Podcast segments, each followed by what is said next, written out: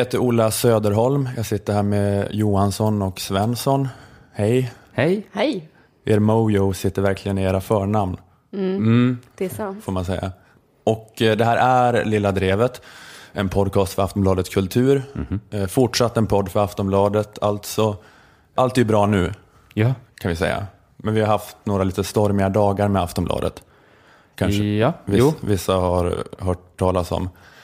I förra avsnittet så skämtade Kringlan utifrån en artikel i Dagens Media som handlade om att en reporter omplacerats till Aftonbladets resebilaga efter att hon uttalat sig kritiskt om eh, situationen med, med bemanningsanställda på tidningen.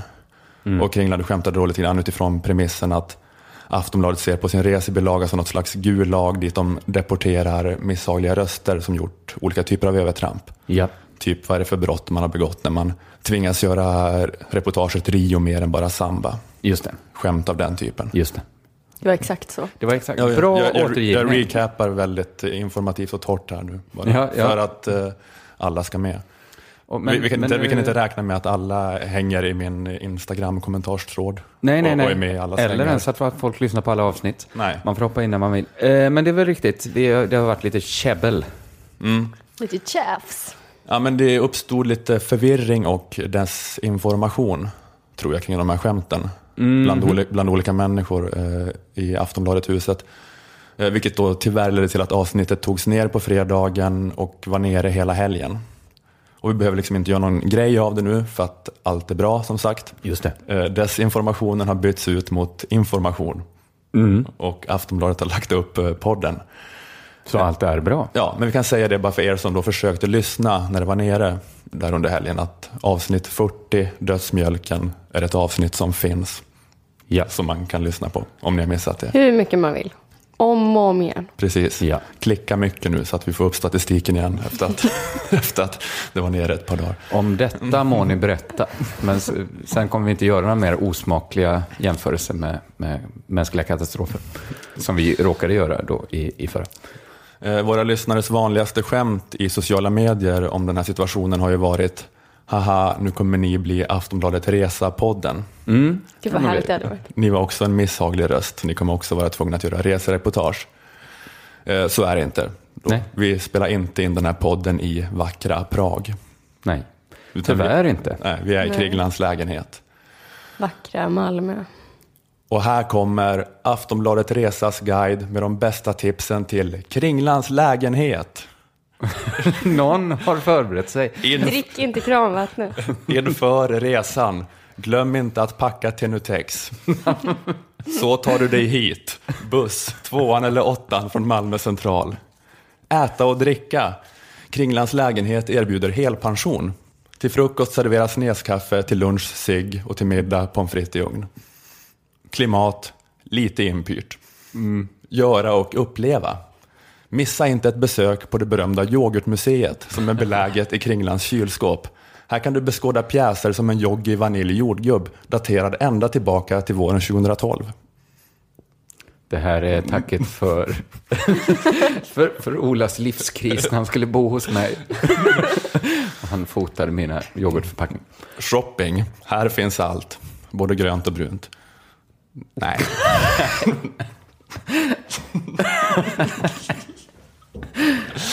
Nej, jag kan ta bort. Nej, det kan vara kvar. Ehm, Okej, Ja, det var eh, det. Det var mitt eh, introskämt. Kul.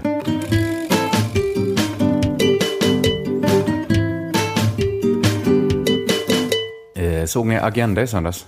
Mm.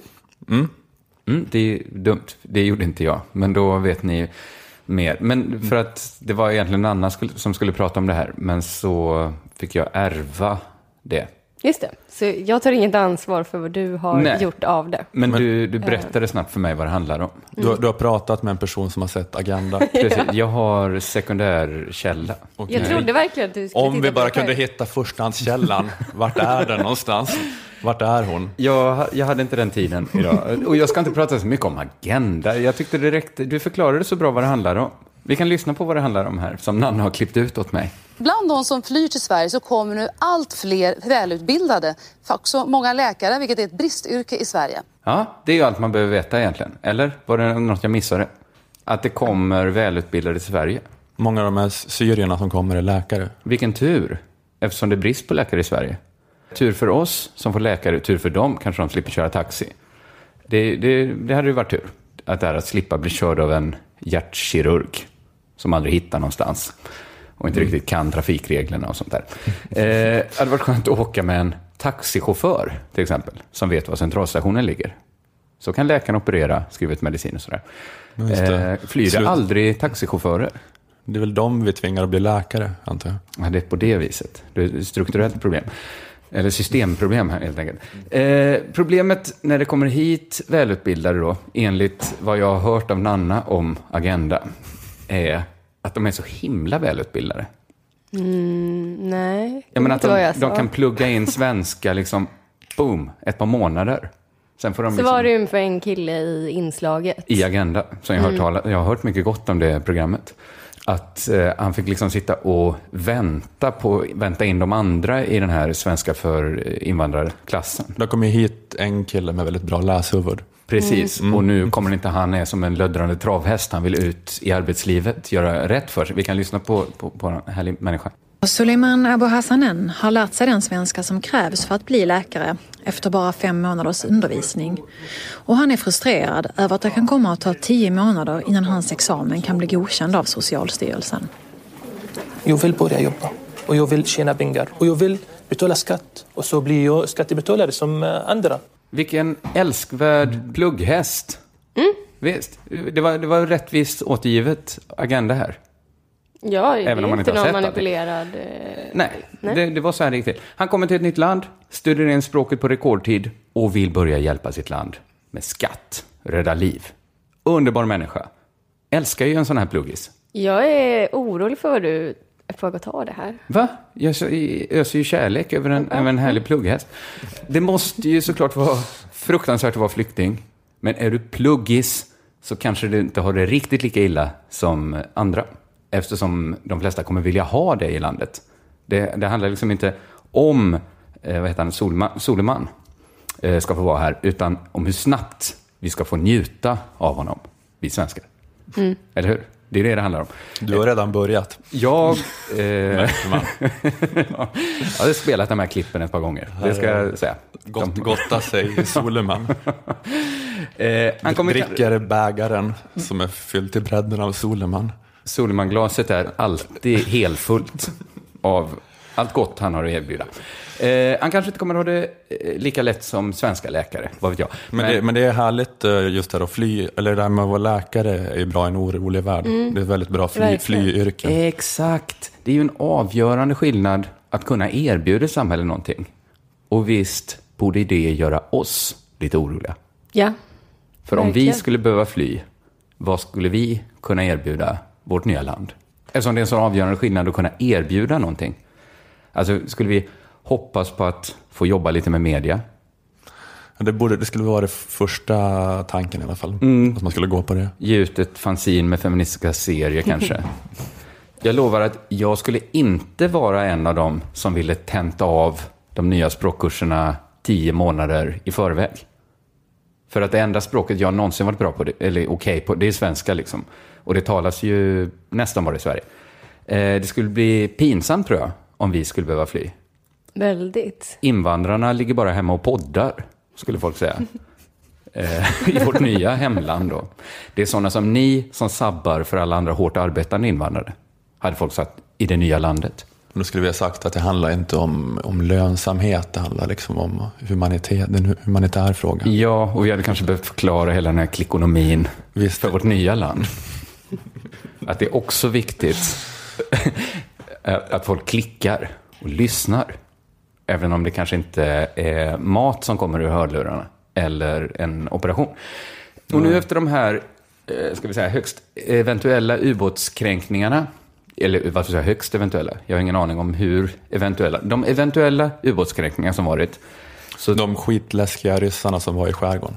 Precis. Eh, så kan man ja, vad det nu var. Det spelar ingen roll vad vi säger. Det har ingen betydelse tror jag. Det, det har det inte. Nej. Eh, folk tycker att vi borde vara rustade för krig nu. Men Vissa vill ha allmän värnplikt. Eh, krönikören Bengt Olsson har blivit hemvärnsman. Eh, det kanske, han skrev en lång, lång, lång, lång lång, lång, jättelång artikel om det i DN. Så skönt att veta att han, Han har kan nå- försvara oss. Han har någon här deal med DN att det är minimum 40 000 tecken Mm. varje gång han har tänkt på någonting. Va?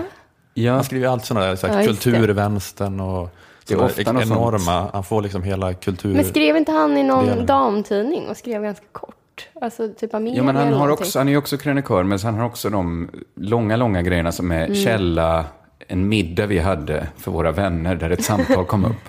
eh, där många pratar med, eh, med härlig magkänsla. Han vill bli hem, hemvärnsman nu då. Och jag känner så här att eh, jag inte riktigt litar på att Bengt Olsson och ett gäng handbollspappor kommer kunna försvara oss. Men han har blivit någon slags försvarskramare. Ja, man ska göra sin plikt. Jag, jag ska säga så här.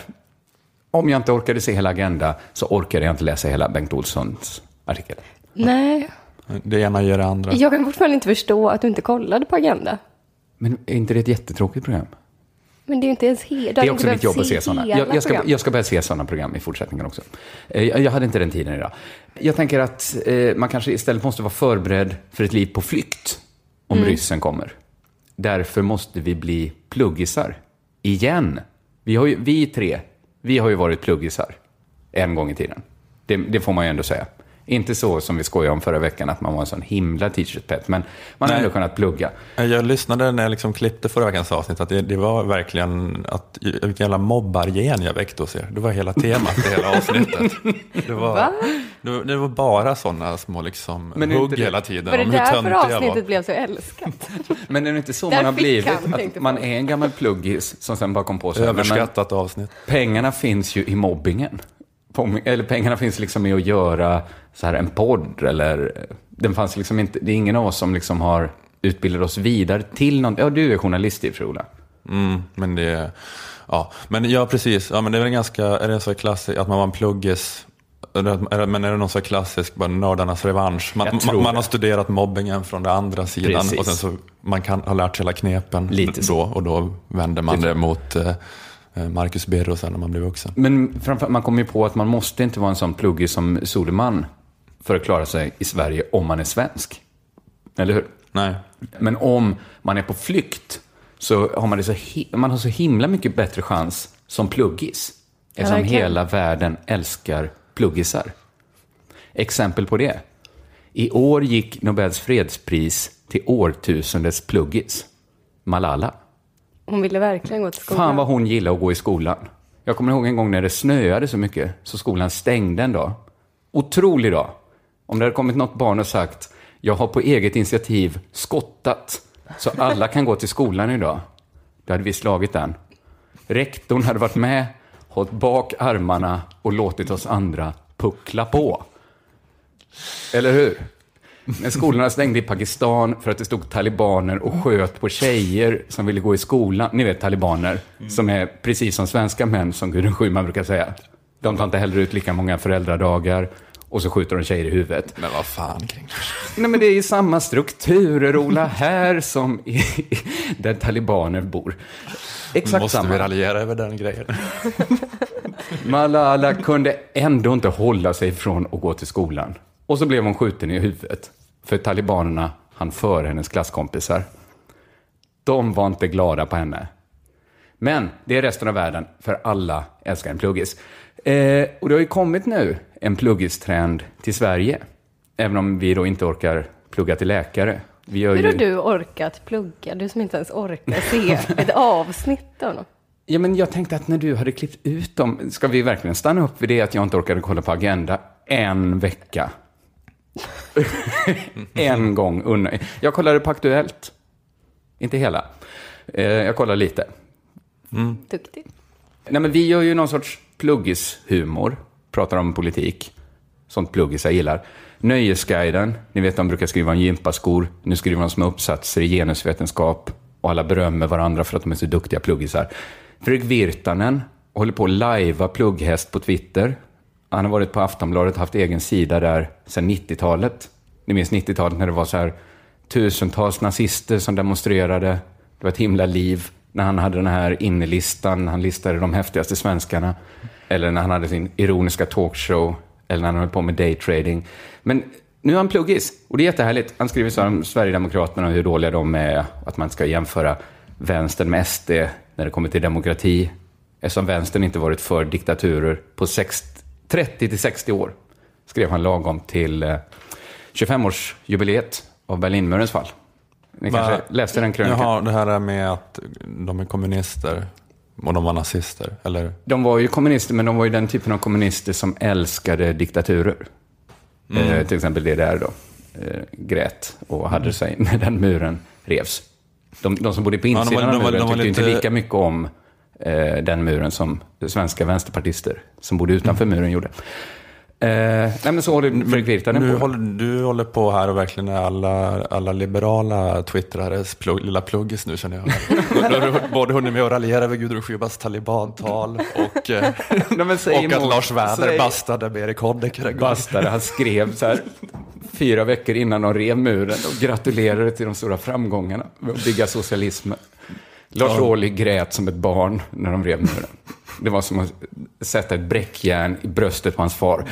Eh, Lars Ohly lipar ju för allting. ja, det gör han i och för sig. Men, eh, jo, jo, men det är sant. Det, det, svenska vänsterpartiet var lite så unikt dåliga utav, utav partier i Europa som stått till vänster om Socialdemokraterna. Så de flesta så lyckades ta avstånd efter så Ungern 56 eller Prag 68. Men att Precis. svenska är då- vänstern var, de körde ända in i kaklet. Så länge det gick. Ja. Alltså långt efter att Gorbatjov slutade tro på det, trodde liksom Lars Werner fortfarande jätte, jättemycket på, inte den, inte den roligaste kommunismen heller, utan den de hade i DDR. Den som liksom är skräckkommunism. Eh, För att den verkar så tråkig och osexig liksom. Ja, men det var väl ändå de som mördade minst människor, tror jag. Där ändå. Eh, Absolut, det är mycket var, möjligt. Det var, ja, tråkig. Det var det som var tråkigt Den kanske. Det var lite tråkig, action. Att man liksom bara De förtry- burar in hela sitt förtryckte folk. folk på ett lite och jobbar långtråkigt sätt. Åsiktsregistrering och allt det där. Eh, det, det var inget supersoft ställe ändå. Nej, där. Eh, ja, strunt samma. Det är väl härligt att eh, Fredrik Virtanen också är med nu i pluggisgänget. Det, det, det välkomnar vi väl. Och jag vill säga till alla så här, ni är jättebra pluggisar, men om krisen är här så är vårt plugg ingenting värt. Då är det liksom, det, den sortens pluggisande är värt lika mycket som innelistor och gymnastikskor. Annars kommer något annat land, om vi flyttar till ett land så kommer de säga, vi har världens pluggigaste taxichaffisar. Det är en skam att sådana plugghästar ska behöva köra taxi. Min pappa hade en podd i Sverige, kommer andra generationen säga. Och deras pluggisar kommer taxi. säga så här, det är för jävligt. Hans farsa hade en podd, han var tvungen att lämna allt, sticka hit. Och nu kör han taxi.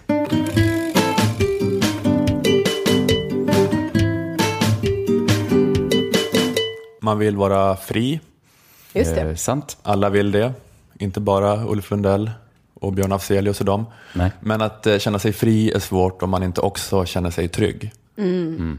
Vår sponsor, Akademikernas A-kassa, hjälper dig med den här trygghetsbiten. Eh, För bara 90 kronor i månaden får du en försäkran om att du kommer landa ganska så mjukt ändå.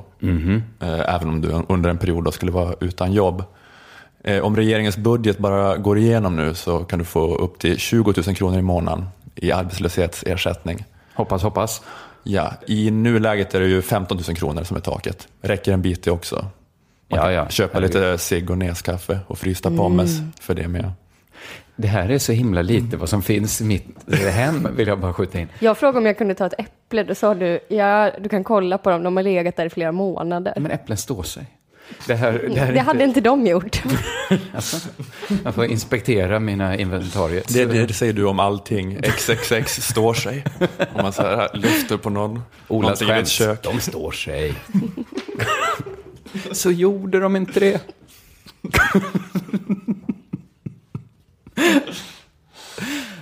Eh, förlåt. Eh, Vilket men vackert skratt.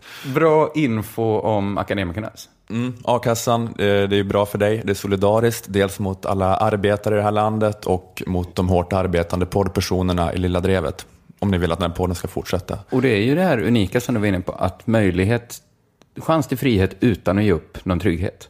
Det är Ja. väldigt sällan det funkar så. Nej, precis. Det är ingen motsättning här, utan det är en syntes av de här två sakerna som vi alla vill ha i våra liv Exakt. för att eh, fungera. Har ni tagit steget och gått med i a-kassan tack vare den här podden eh, får ni gärna berätta om det på till exempel Twitter eller Instagram och då använda hashtaggen lilladrevet som ett ord. eller skriva i er ansökan till a-kassan att ni gick med tack vare den här podden.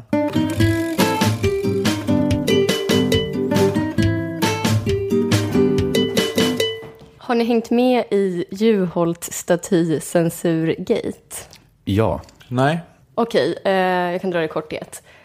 Umeås kommunalråd Lennart Holmlund skulle avtackas på Umeågalan och då visades en liten film som Håkan Juholt hade spelat in där han på ett lite skämtsamt sätt glädjer sig åt att eh, Holmlund avgår. Och det här eh, bygger på att Holmlund en gång snackat skit om honom i radio. Ja. Så nu skulle han eh, få någon slags revansch. han hotade med att eh, lämna sossarna om Håkan Juholt skulle bli partiledare va? Precis, eh, vi kommer till det. Ja, du har Men, kanske, eh, vi, vi kan se fram emot att höra det klippet. Det är en snårig historia. Det är en snårig historia, så jag försöker bara så här, jag ska bara gå igenom det nu.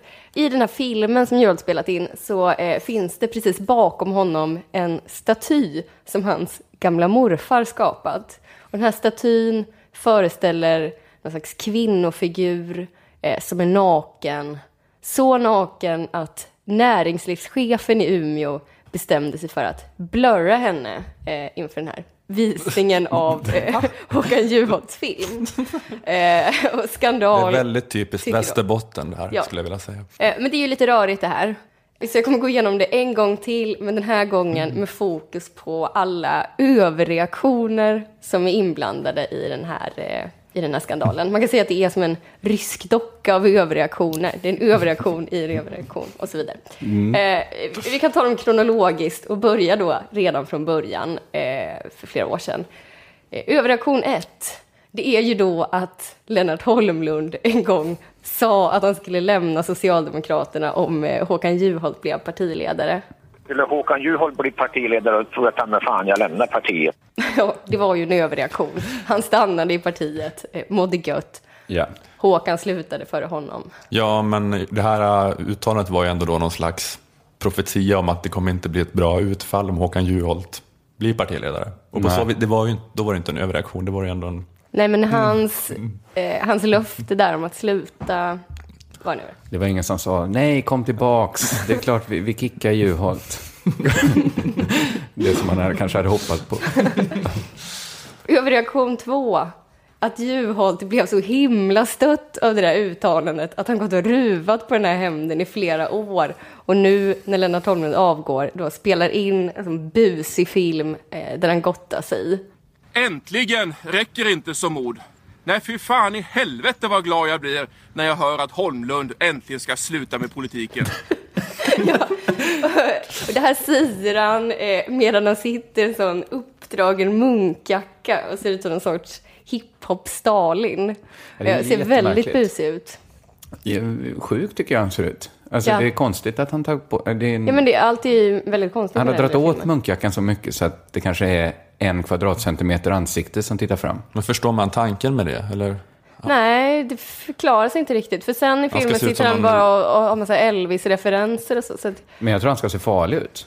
Alltså som att han ja, men, ja, men jag tror, kommer ja, från gatan. farlig, busig, kanske lite så här, eh, jag ska gå och, och eh, graffa. Ja, är det inte så här kepsen bak och fram han jo, försöker ha? nästan. Eller, eller är det här Reclaim the Streets, uh, Göteborgskravallerna person eller sånt där? Ja, men jag Mm. tror faktiskt, eh, titta på ett första utkast av Juholts manus, så står det Jo, jo, jo, som inledningsfras. Sen har Daniel Suhonen tagit bort, lagt till och strukit lite grann. Exakt så, tror jag det. Eh, och överreaktion tre då, eh, som man kan väl säga är själva ur-överreaktionen i allt det här. Eller själva, ja men det, det som kanske ändå är den största överreaktionen. Och det är ju det här att Umeås näringslivschef tyckte att den här statyn var så provokativ att han tvingade någon att lägga flera timmar på att blurra den. För det, är inte, det är ingen speciell staty, det är en sån staty som man ser i varje stad typ. Man ser eh, pattar av gips eller något. Ja, det är en naken kvinna. Det är en naken kvinna. Eh, det fanns i Gävle också när jag växte upp. Jag tänker att det är så, Det är ett vanligt motiv. ett jättevanligt motiv. Nej, det är helt, det är helt otroligt. Men, eh, men det, finns, det, är, det finns rätt mycket frikyrkotönteri i Västerbotten faktiskt. Det är inte, Just det, det är klart. så det kanske är någon sån, någon sån person. Jag Men vet visste inte. Juholt det? För att det Nej, känns han fick ju... veta det här i efterhand. Och då kommer överreaktion fyra som är att Juholt blev helt rosenrasande över den här eh, censuren då av eh, statyn. Han säger, jag tror inte att det är sant. Min morfar gjorde statyn i moralismens Småland 1954. Sedan dess har den legat vänd mot vägen och beskådats av hundratusentals bilister. 60 år senare blurrar en pappskalle hans verk. Fullständigt oacceptabelt. Eh, och vi kan gå över till överreaktion 5. Och det är lite som det du har varit inne på tidigare, eh, Kringlan. Och det är att Juholt då fortsätter med att säga att Umeågalans arrangörer beter sig som talibaner. Mm. Eh, det är ändå att ta i. Ja, det, ja, det kanske var lite lamt att slänga in talibanerna. Så där. Men, Fast det, i och för sig. men, men jag tycker det var ganska friskt allmänt av Juholt det där att han ropade så här, pappskalle och sådär. Det kändes lite Ja, uppfriskande. Fy fan i helvetet vad skönt att Men, slippa mm. det. Alltså att det var mycket frispråkighet. Ja. Ja, precis. Men det var väl en sån där skoj-ilska över att han i den där filmen. Ja, det, okej. det är i och för sig när han sa fy fan i helvete. Vad... Men här, Jo, jo, men själva tilltaget, att ens har gått och tänkt på honom i så många år. Åh, den dagen jag får tvåla till honom. Ja, just det. Och, det, och, och det är lite sådär spelad, eh, att jag har låtsas ha distans till det här. Men Ja, egentligen, egentligen Egentligen så, kokar. ha- kokar Egentligen är det lite sådär. sjukt att jag överhuvudtaget gör den här videon. nu. Ja, han jämför dem med talibaner, ja. Men här tyckte jag det var kanske... Det är ju något talibanerna också kanske hade gjort, så här, censurera en staty. Getting engaged is a moment worth cherishing. A one of a kind ring that you design at Blue Nile can help your love sparkle. Just choose your diamond and setting. When you found the one, you'll get it delivered right to your door. Finding the right engagement ring can be nerve wracking. At Blue Nile, you'll have the expert guidance needed and a diamond guarantee that ensures you're getting the highest quality at the best price. Cherish all of life's moments and save up to 30% at BlueNile.com. That's BlueNile.com. Men visst, det är starkt. De skulle kanske inte... Ja, de slog sönder de här Buddha-statyerna. va? För att Buddha visar testet, brösten. eh, testet Bud- att... Buddha visade brösten på Storgatan i Umeå. Då gick kommunfullmäktige dit. Får testa att låta. Malala gå ett, ett läsår på någon skola där uppe och se vad de gör. Det är enda testet vi har, på om någon är taliban eller inte. Men, jag vet inte. Ha- Hade Umeås kommunfullmäktige kunnat låta bli att skjuta mellan Han får en pistol, och hon går i skolan. Vad gör du? Hörrni, eh, jag tycker ett, ett eh, litet frågetecken med allt det här är ju varför Juholt valde att spela in filmen just framför den här statyn. Eh, sin morfars staty. Eh, för den har ju inte direkt någonting med bashingen av Holmlund att göra. Har ni några teorier på vad det kan vara? Han verkar ju väldigt förtjust i sin snuskiga morfar. Han har en morfar som var en relativt berömd skulptör. Det är det. Just och som han, det har han Eh, pratat om Arvid ganska ofta. Källström tror jag han heter. Eh, supersnuskig då, antar jag. Eh, Man får jämföra honom med sin samtid. 50-talets Småland. Gör en sex meter lång naken kvinna. Fast varför måste Juholt ha med det i sitt klipp där? Han är väl bara stolt över honom och vill, han vill ju lyfta upp honom varje gång han är i media typ. Verkar det som. Eller så vet han hur känsligt det är med pattar i Västerbotten. Jag tänker att det kanske är eh, det här gamla HBO-tricket. Eh, Det här att alltid ha en naken kvinna med i bild. Så att Just tittarna inte det. ska tappa fokus. Så kan det ju vara. Man vill liksom lura in Umeå-tittarna och sen se dem, eh, eller att de skulle få se då honom kötta ner Umeås gamla starke man. Juholt hade tänkt att det är större risk att de blurrar bort mig som sitter och täcker en bit av den här kvinnan för att få mer naken kvinna än tvärtom. Jag vet inte. Nej, eh, konstig nyhet. Jättekonstigt. Det, det känns lite sorgligt att Juholt, när man vet så här så mycket konstighet han har i sig, att han är borta ur rikspolitiken. Ja, fast han kanske kan fortsätta så här som busfrö. Och bara göra små aktioner mot andra politiker. Men att de bjuder in honom dit måste ju nästan ha att göra med att Lennart Holmlund har sagt där om Juholt. Att han ska lämna partiet Mm. om han blir partiledare. Varför ska han annars dit och avtacka honom? Det är ju som en, deras enda relation. Så att, Ja, han åkte inte dit, utan det var bara, han det var bara en den film. filmhälsningen. Men eh, det sorgliga är att Lennart såg den inte ens, för han stod bakom scenen och förberedde sig. Ja. Så att, eh, Men han kan ju ha sett den nu, den finns ju på internet. För, även för våra lyssnare att se, för det är ju ett, ett stycke konstig politik. Mm. Eller om det är politik, eller om det är konst. Konst syns i alla fall i det.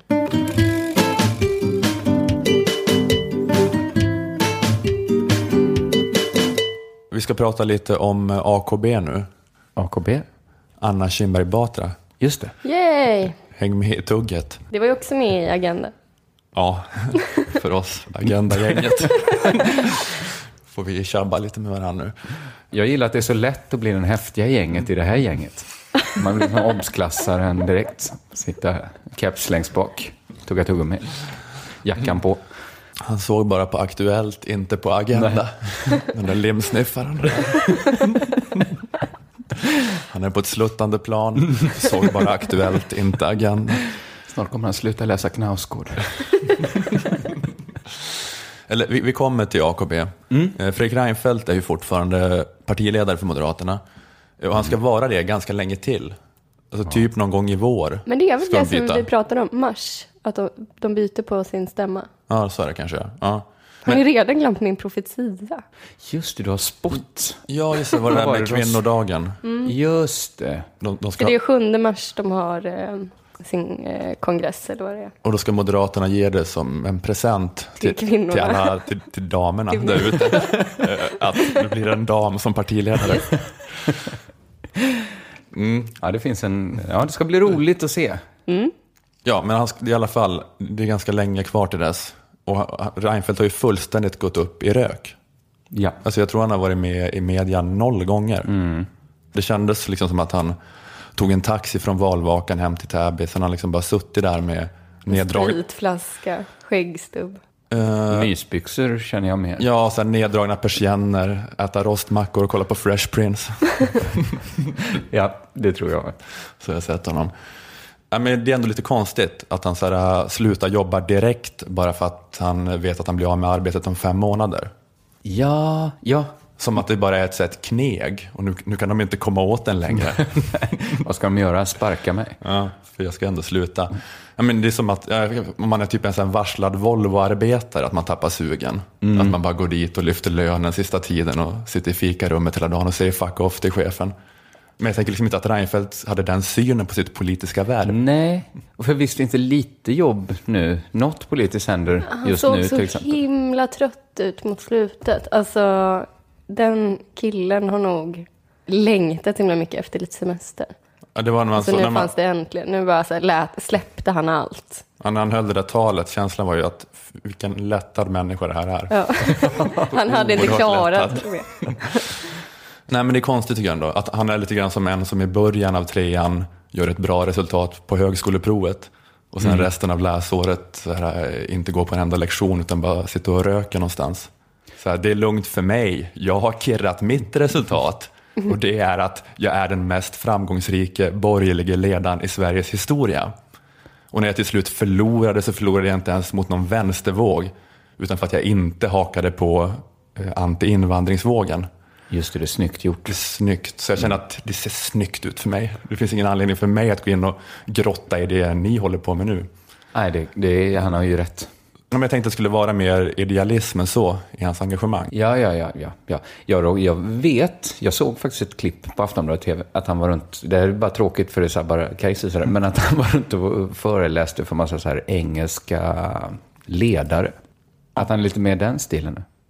Ja, men, jo, men, så, men det börjar man väl jobba med när man är klar, tänker jag. Det är väl det Göran. Persson har gjort, åkt runt och varit ledarskapskonsult eller någonting. Ja, han kan, han kan inte riktigt vänta på att komma ut och ta de giggen kanske. Ja, men nu har han, har han inte gjort... Alltså han, borde, ja, han får ändå fortsätta gå ut och säga att Magdalena Andersson är dum i huvudet tills 7 mars. Liksom. Måste ändå gå, stå i Rapport och göra det varje dag. Det tycker man. Det är det minsta man kan kräva. Men sen Reinfeldt började vara den här frånvarande partiledaren eh, har ju Moderaterna drivit runt som en båt utan segel. Och det är ju jobbigt för moderater som gillar att segla så mycket. Boom. Men, men det är då en person som har tronat fram eh, som en eh, kronprinsessa. Eh, AKB. Anna Kinberg Batra, a.k.a. AKB. Du är on fire idag. Är det Emma Knyckare som har skrivit det här manuset eller? ja, men AKB är ju ett känt namn för eh, politikintresserade kan man säga. Hon har varit en, en så här stor spelare, gruppledare för Moderaterna i riksdagen de senaste åren. För den breda allmänheten är hon väl känd för två saker. Hon är gift med David Batra, Just det. vår kära kollega. Han kör sta- stand-up, precis som jag Kringlan. Han ger ut böcker med arga lappar, precis som Nanna. Eh, Och så är hon ju känd för det här eh, klippet som spelas varje gång hon kommer på tal. Just det. Och vi ska väl inte vara märkvärdiga. Va? Så vi spelar det också. Jag gör det, för jag vet inte. Stockholmare är smartare än lantisar tycker jag. Just det, ja, just det. Det är hon också lite känd för. Ja. Mm. Det är väl, eh, ett påstående som stämmer väl, skulle jag tro i och för sig. Ja. Eller, jag vet Förra inte. veckan vargfrågan, nu detta. Du, du kommer verkligen få fiender. Ja, ja precis. Ja, ja, man, man, man kan ju verkligen säga att hon, när hon, sen hon gjorde det uttalandet då, det var en personvalskampanj 98, men då har hon ju etsat sig fast i svenskars medvetande lite, lite grann som anti-Thomas Wassberg. Ja, jag tror... Hon motpolen. Det är alltid bra att inte uttala sig så mycket om så här, vilka är smartare. Så här, det, det kanske är möjligt att... Nej, för det var väl inte ens svar på en fråga. Vilka tycker du är smartast? Stockholmare eller lantisar? Utan det var väl... Ja, de frågar typ så här, din personvalskampanj kostar massa pengar, är det rimligt? Så här att, ja, det får stockholmarna avgöra, och om de ska veta vem jag är så kostar det pengar. Men jag tror de kommer avgöra det bra. För stockholmare är smartare än lantisar. Så opåkallat. Ungefär så, ja. Ja, hon glömde det, att det är något vi inte pratar om. Nej, nej men, det, det, men jag antar att det är en sån generell trend, kanske över hela världen, att högpresterande människor flockas i storstäder. Så, men det kanske i och för sig in, människor som har flytt, lantisar som har flyttat till Stockholm, kanske den smartaste kategorin. De är också smartare än infödda stockholmare. Just det, så, kan det vara. Så båda har rätt. Ja, det är ingenting med luften på landet som gör en dum. Mm. Att det är sån nervgas utanför Stockholm som gör att man blir dum. Nej, men det är väl, ja, Ja, skit i det. skit i det. Hon är känd för det. Ja. Jo, det jag skulle prata om är att det är ju en sak en ny moderatledare måste förhålla sig till. Och det är ju det jag sa tidigare, att, att i valet förlorade man inte så mycket mot något vänsterblock som man förlorade mot eh, Sverigedemokraterna. Liksom Moderaterna var det partiet som tappade mest till SD. Just det. Eh, Och det finns ett missnöje bland eh, mer konservativa moderater som eh, vill ha mindre invandring. Eh, Många anser att det inte kommer gå att skapa en borgerlig majoritet i framtiden om man inte på något sätt närmar sig SD. Med tanke på hur tokiga väljarna är i SD. Just det. Och kommer AKB vara moderaten som tar det här steget? Eh, verkar ju inte så. Nej, för det, det är lite här det här med David Batra kommer in i bilden. Jag tog inte upp det bara för att jag ville förminska henne till någons fru. Nej, nej, nej. Skönt att göra det också, men inte Men- bara därför. Nej, men det kommer ju också bli... Jag tänkte på det i natt när jag inte kunde sova. Så tänkte jag, vad speciellt det kommer bli, framförallt inom ståuppvärlden, om hon en gång blir eh, statsminister. Att det kommer vara speciellt att en kollega är gift med Sveriges statsminister. Att det kommer vara så här det vanligaste skämt. Alltså om det är någon sån kväll, det är många som uppträder ihop med det var ju Batra. Det kommer ju inte skämtas om något annat. Nej. Alla kommer ha ett skämt om det. Ja, precis. David Batra kommer nästan att vara tvungen att anpassa sin act efter det. Jag tror det. Alltså han kan inte gå upp, det är en sån elefant i rummet om man går upp och inte säger det under 40 minuter. Ja, han kommer inte kunna säga vad som helst tror jag, heller. Nej. Nu har han, han kanske inte jättehårda grejer, så på gränsen komiker, men, men Mm. ja, speciell standup-värld det kommer bli. Precis. Alla, alla hans arga lappar kommer vara tvungna att gå genom Moderaternas kansli nu. Att de måste godkänna om det här är okej. Ja, ja, det var ett stickspår. Eh, Men, och David Batra, eh, Ja, men det, det, det, det, jag tänker är att eh, något som måste ha en avgörande betydelse för om AKB blir moderatledaren som närmar sig SD eller inte är vilket år David Batras pappa kom till Sverige. För SD hade i sitt partiprogram fram till 1999 eh, kravet att de ville tvångsrepatriera de citat etniska främlingar som invandrat till vårt land efter 1970. Och också citat, någon hänsyn till medborgarskap ska inte tas.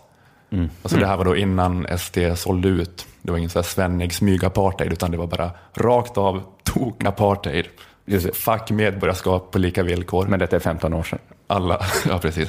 Alla som kom hit sedan 1970 ska tillbaka till invandrarstan. Ja, det var, det var 15 år sedan. Eh, det var Mm. Så något som hände. väl glömt och förlåtet. Eh, ja, precis. Det var Apartheid, det var något som hände i Sydafrika och Men då- 99 i SD. Då, det är ju jättebra att, att han skulle kunna vara en sån lås mot att Moderaterna närmar sig SD. Ja, för då är frågan, när kom David Batras indiska pappa till Sverige? Var det före eller efter 1970? Har du, ta- jag hoppas du tar reda på det här, för det är spännande. Nej, jag har försökt googla fram det, Ah, men jag får ingen klar info. nej. Kunde du inte ha ringt David? Jag vågade inte. Nej, det är pinsamt att ringa upp och fråga. Eh, Fråga om det När kom din pappa? Jag kan inte ringa flera gånger och fråga bara pappa. Hon blir tokig på det. Ja, men jag hittade ett personporträtt på David Batra i Göteborgs-Posten där det står så här. Eh, David Batras pappa är från Indien och kom till Sverige som gästforskare, träffade en lärare, blev kär och stannade kvar. Det är allt jag hittat. Da- David Batra är född sent 1972, 29 november. Åh, det är en sån slamkrypare, man vet inte. Ja, det, det skulle vara ganska snabbt jobbat i så fall, men ändå fullt möjligt att pappa Ja. kom till Sverige efter nyår 1970. Och är det så, då tänker jag att det, inte finns en möjlighet att AKB ska kunna på något sätt samarbeta med SD. Det kommer bli för stelt på släktmiddagarna då. Hon kan inte samarbeta med Jimmy Åkesson. Alltså Jimmy var själv med i partiet fem sex år medan de fortfarande drev det här, den här frågan. Att David Batras pappa skulle fångas in och skickas till Indien. Alltså Jimmy Åkesson var då själv redo att när SD får makten att då så gå i ett skrikande pöbeltåg med högafflar och facklor hem till familjen Batras Mexitegelvilla i Lund och släpa ut pappa Batra. Ja. Alltså det blir för konstigt då som svärdotter att samarbeta med den Att personen. säga, vi hade ingen chans att få igenom budgeten om vi inte offrar din pappa. Det måste du förstå David. Ja, men jag, det, det mesta tyder väl ändå på att eh, AKB eh, hur som helst är den här... Hon ville väl ha fri invandring och så? Ja, precis. Hon är den typen av moderat som kommer fortsätta på Reinfeldts linje i relationen till SD. Att, ja, men så, som ung moderat var hon som där, med ja, ja. libertarianska böjelser förespråk, förespråkade fri invandring och öppet länge på krogen. Ja, och sånt. Då får man ta den smällen att deras väljare hoppar över till SD istället. Det blir väl alternativet. Men jag tänker att det här med Batras pappa är ändå det som då verkligen skulle avgöra det helt och hållet. Var det efter nyår 1970 han kom hit, då kan vi verkligen vara 100, verkligen 100, inte 99,9 utan 100 procent säkra Ja. på att det kommer dröja till nästa moderatledare innan det eventuellt blir ett SD-samarbete. Vi borde till nästa vecka försöka ta reda på detta. Det kanske vi kan göra på något sätt. Informationen kanske kommer komma till oss på något sätt. Vi, låt oss hoppas det. Att ibland leta, informationen vill ju vara med lilla drevet, brukar man säga. Du orkar inte ta del av den sen. Om den kommer och hoppar upp i famnen på mig så, så klappar jag den och sänder ut den. Ring mig David.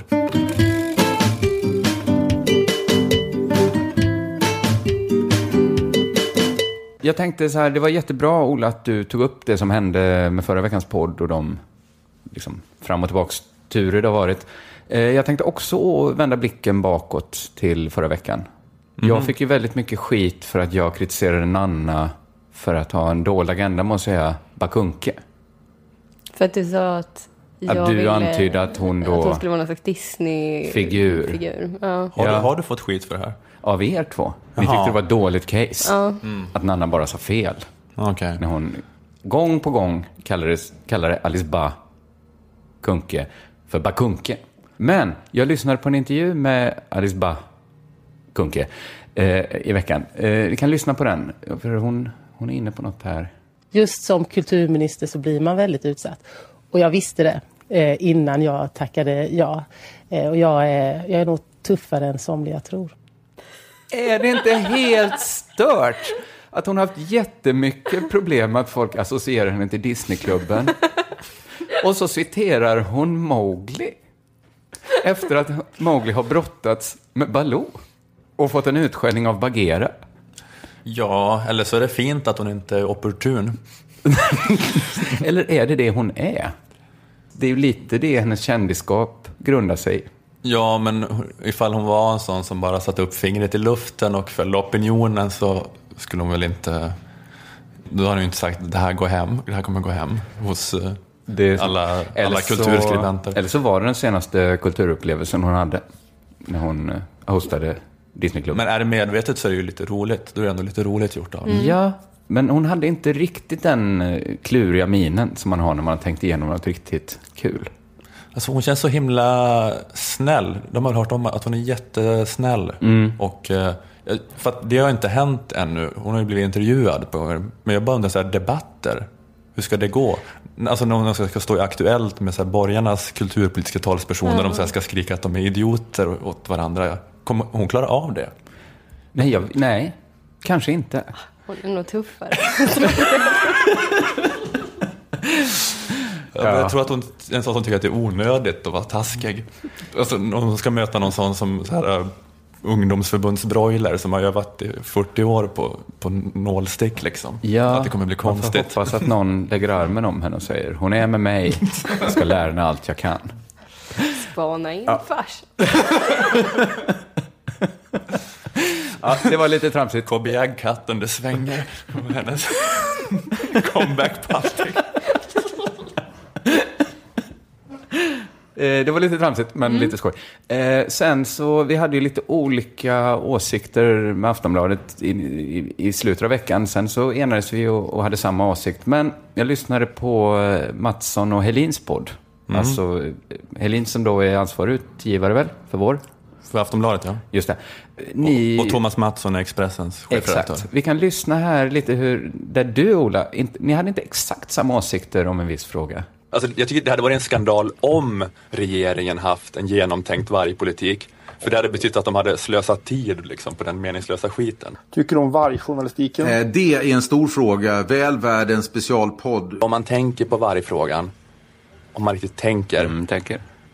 Vem bryr sig? Jag är jägare själv och vet hur extremt känslofylld vargdebatten är. Men varför ska det då vara i riksmedia hela, hela tiden? Alltså den är lika, skulle jag säga, sprängfylld av känslor som eh, integration eller mångkulturdebatten. Nej, Nej. vargfrågan kan inte påverka förtroendet. För det spelar verkligen ingen roll. Det var lite skoj att ni tyckte olika i många frågor du och Aftonbladet. Det är högt i tak på Aftonbladet. Det är det. Vilken härlig arbetsplats. Pratade ni om eh, den här frågan i telefon också? när ni När, samtalade? du- när ni samtalade på hans mammas 70-årskalas. Eh, nej, vi var inte inne på vargfrågan. Nej. Vi pratade mer om eh, utgivarfrågor. Ja. Japp, japp, japp. Nu till det jag hade tänkt prata om, för att jag såg inte på Aktuellt i onödan kan jag säga. Nej? Jag kollade för att eh, Ola sa att de pratade budgeten där. Ska vi prata lite budget? Ola blir så till sig att han blir helt Ja, fnissig. Ola, du kan få lite, du får gärna ta över bollen här för det är lite... Och lite de pratar, pratar budget, jag måste rigga då, jag måste rigga då. så riggade jag kringlan. Det är så hela tiden. Du, sätt på tvn! Kollar du? Vi kan kolla tillsammans. Jag la undan telefonen och tog en lång promenad. eh, jo, men det var intressant eh, det här att, eh, att, vi, att SD måste välja nu. Eh, mellan eh, sossarnas budget eller borgarnas budget. Vad ska de göra? Och som du sa, Ola, till mig innan du bad mig titta på det. Det är ju att i invandrarfrågor, migrationsfrågor, så är borgarnas och sossarnas budgetar nästan identiska. Ja, precis. Alltså mer eller mindre identiska. Och det är då att SD har sagt att de ska rösta på den budgeten som liksom ligger närmast deras egen politik. Men de ligger lika långt, exakt lika långt ifrån när det gäller då invandringspolitiken. Vi kan lyssna här hur det lät när SD kommenterade eh, sossarnas budget. Eh, Det här är alltså sådana saker som regeringen gör som vi definitivt inte ställer oss bakom. Eh, och Då kan vi konstatera att man höjer skatten för de äldre som är kvar på arbetsmarknaden. Man väljer också att straffbeskatta kärnkraften mer än vad som redan sker i dagsläget. Och så höjer man också skatten på snus. Ja, det är liksom på den här detaljnivån nu de är nere. Alltså om de ska välja tre saker som kan liksom få dem att, att gå med eller gå emot så är, så är verkligen snus en av dem. Ja, men man vet att eh, när de inte då, att invandringsfrågan är liksom inte på bordet längre för att det är exakt lika illa på båda sidorna. Så, Och då är det vad SD tycker i andra frågor och det är total slumpgenerator. Är det lite obehagligt att det är så, sån slump vem som, vem som råkade? Så här, snusfrågan är väl ingen viktig fråga? Nej, men, men också att man tänker att SD, att de inte riktigt bottnar i något. De har så här råkat säga något någon gång. Vi är för eh, liksom lägre skatt, för lägre villaskatt. Va, så säger Just någon, är ni, för, ni, ni vill ha lägre villaskatt i SD? Så här, eh, ja, Ja, det vill vi. Och då måste de, Ja, det är då måste de stå kvar vid det.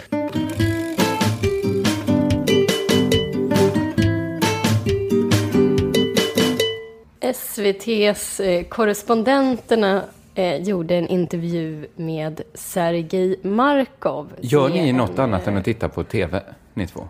Du, du avbryter min Eh, oerhört professionella... ja, ja. Eh, fortsätt. Sergej Markov. Sergej Markov, han är en rysk statsvetare och eh, en nära vän med Vladimir Putin. Och eh, som jag sa så har han då blivit intervjuad eh, av SVT. Och det är en lite eh, obehaglig intervju. Även om Markov börjar med eh, ett lugnande besked från Ryssland till Sverige. Han säger Ni i Sverige behöver inte vara rädda.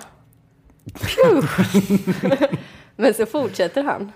Lettland och Estland har däremot anledning att vara rädda. Om det blir ett stort krig är det möjligt att det inte blir något kvar av de här länderna. Oj. Ja, en tråkig bieffekt av att vi förintar de här länderna är att det inte blir något kvar av de här länderna. Men vi behöver inte vara. Vi behöver inte vara nej. oroliga. Nej. Ehm, Ingen hade ens frågat om Estland och Lettland. såg till att bara få ut det lilla hotet överallt. Men lite senare i intervjun så säger han så här. Problemet är russofobin som finns hos den ledande eliten i väst. Russofobi är rasism mot ryssar. Ja. Få era länder att sluta vara russofober. Då kommer det bli mycket lättare för er att leva. Mm. Tur att det inte var något underliggande hot i den sista formuleringen. Eh, så man inte behöver vara rädd. Men jag Sluta det tro att vi är ett hot, annars dödar vi er. men är det inte lite konstigt att dra in eh, russofobi i det hela när det ju är ett reellt hot från liksom, ryska makten? Ja, Alltså det är ju inte ryssar i allmänhet folk är rädda för. Det är ju kanske snarare den ryss som sitter och pratar om att förgöra Estland och Lettland som man blir lite rädd för. Men jag tycker det är ju en lite paradoxal intervju, för Markov säger ju både ett, baltstaterna borde vara livrädda för Ryssland, och två, varför är alla så rädda för Ryssland? Come on! men det här, ja. Det är lite svårt att göra till någon sån eh, identitetspolitik när man hotar att invadera folk sådär. Till och med de försöker köra på det. Vi är. Inte alla ryssar. Det här är så vi är. Det är vår religion att förgöra Estland och Lettland och ni får liksom inte inskränka på den mänskliga fri och rättigheten. Men ja, men de är såna jävla mobbare i Ryssland. Ja men här är det verkligen så, men det är som någon som stör kille som står med en boll och låtsas kasta den mot ens ansikte bara. Blir du rädd nu? Blir du Ja, rädd nu? men som var tionde gång också kastar en sten och mot sen bara kastar den. Och då trodde du jag skulle kasta eller? Varför, varför trodde du jag skulle kasta? Sen, sen kasta den. Trodde du, varför höll du inte upp händerna? Trodde du inte det?